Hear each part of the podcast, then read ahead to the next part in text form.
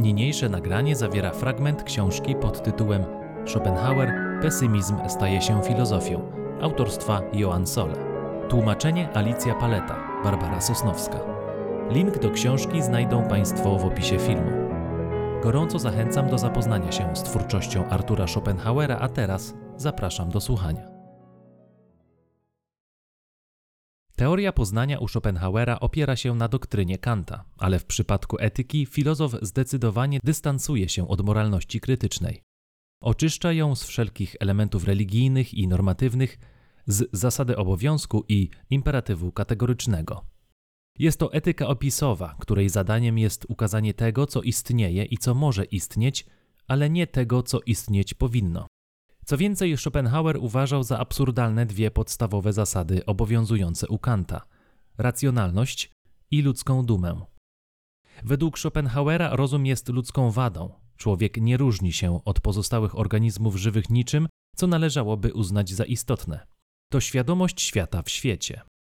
Pesymizm metafizyczny Kanta przejawiał się przede wszystkim poprzez pojęcie zasady rzeczywistości irracjonalnej, popędowej, amoralnej, sprzecznej z Bogiem, niosącym dobro i porządek, niosącym ukojenie teologom i wiernym.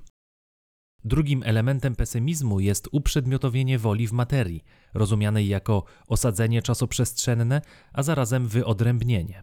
Pojedyncze byty toczą między sobą bratobójczą walkę, aby przywłaszczyć sobie czas, przestrzeń i materię.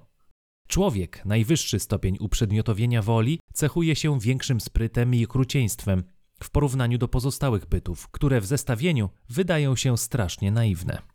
Zabijają, by zaspokoić głód, znaczą własne terytorium na podstawie określonych z góry schematów, doświadczają pożądania tylko wtedy, kiedy rytm natury rozbudza w nich instynkt rozmnażania nie niszczą swojego gatunku powodowane nienawiścią, nie oszukują. Człowiek natomiast jest niewolnikiem woli. Jest najkrwawszym i nienasyconym bytem na ziemi. Jest zdolny do zabijania jemu podobnych, do niszczenia własnego środowiska po to, by zdobywać potrzebne surowce, okłamuje członków własnej społeczności, jest hipokrytą, znajduje wymówki, by uzasadnić działania podłe i niemoralne. Z punktu widzenia ludzkiego sumienia ta uniwersalna walka wydaje się przerażająca. To pole bitwy, gdzie trup ściele się gęsto, aż do chwili, kiedy nadejdzie rozejm.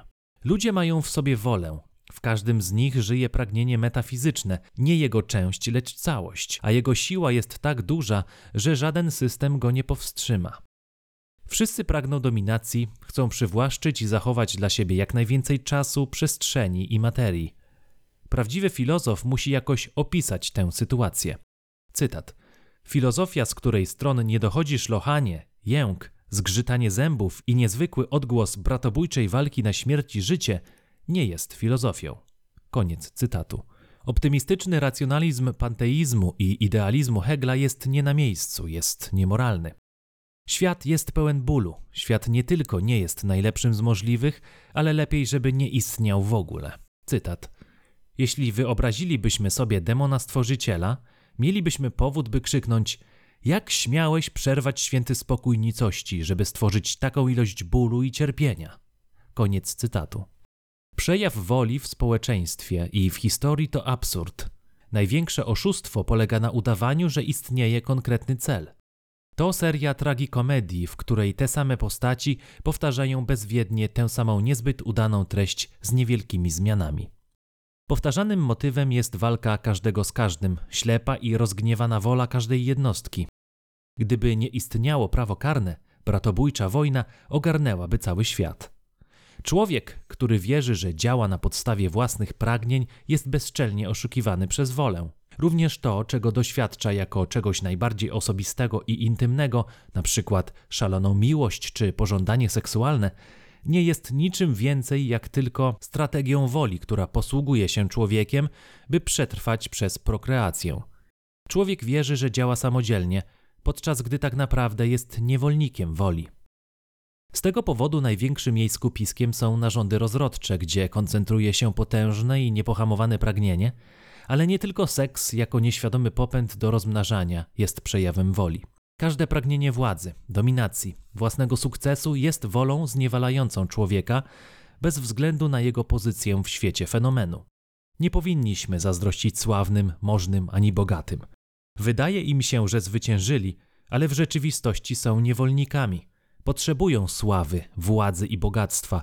Są od nich uzależnieni, jak uzależnieni są od woli, która pcha ludzi do nieustannego zdobywania, co jest powodem do coraz większego cierpienia na tym padole łez. Cierpią i są powodem cierpienia. Są marionetkami w rękach woli. Ich jednostkowy byt zniknie, zanim zrozumieją, czym jest świat i jego istota. Umrą w przekonaniu, że służyli sobie, podczas gdy w rzeczywistości służyli woli. To, że nigdy nie mają dość sławy, władzy czy bogactwa, że nie potrafią cieszyć się tym, co mają i że pragną coraz więcej, jakby niczego nie posiadali, jest jedynie dowodem ich nieszczęścia i zniewolenia przez nienasyconą wolę. Niestety ten, kto nie odniósł sukcesu, też nie jest wolny od cierpienia. Czasem podlega tym samym rządzom zniewolonym przez fenomeny, a nie przez noumeny, jak w przypadku osób władzy, a czasem na próżno pragnie osiągnąć sławę, władzę lub bogactwo, i wtedy jego niewola jest zarówno fenomenalna, jak i noumenalna. Egoizmu nie da się zaspokoić, nie ma końca, który przyniósłby odpoczynek i wolność. Egoista nie ma prawa do spokoju i pogody ducha. Egoizm prowadzi do niemożliwego do zniesienia okrucieństwa. Cytat. Ale jednak postępowanie ludzi wobec siebie nawzajem cechuje z reguły niesprawiedliwość, skrajna nieprzychylność, twardość, ba okrucieństwo. Inna postawa pojawia się tylko wyjątkowo. Jak postępuje człowiek z człowiekiem, widać na przykład po niewolnictwie, którego ostatecznym celem jest cukier i kawa. Ale nie trzeba szukać tak daleko. Mieć 5 lat i znaleźć się w przędzalni lub innej fabryce i odtąd najpierw 10, potem 12, wreszcie 14 godzin siedzieć tam codziennie i wykonywać tę samą mechaniczną pracę, znaczy okupywać drogo przyjemność oddychania. Jest to jednak los milionów, a wiele innych ma los analogiczny. Nawet w rodzaju ludzkim dziewięć dziesiątych żyje walczących nieustannie z brakami, stale na krawędzi zguby, balansując nad nią z trudem i mozołem. Koniec cytatu. Lecz nie tylko uciemiężeni, upokorzeni i znieważeni cierpią.